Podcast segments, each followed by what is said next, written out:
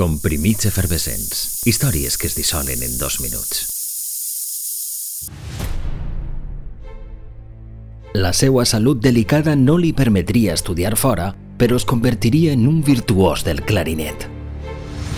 A Cosentaina també aprendria a tocar el violoncel, es casaria i trobaria la inspiració musical en la personalitat del seu cunyat.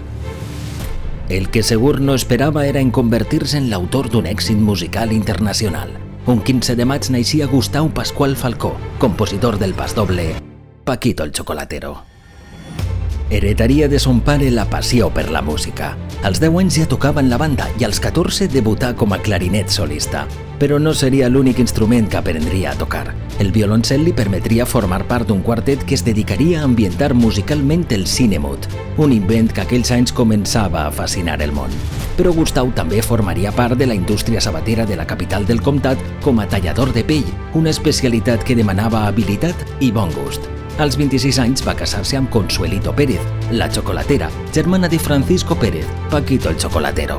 El seu cunyat era una persona apassionada per la música festera i Gustau volgué dedicar-li una peça. Als peus de la Serra Mariola, l'estiu de 1937 li presenta tres composicions per a que triara la que volguera que portara el seu nom. Paquito no ho dubtà un instant.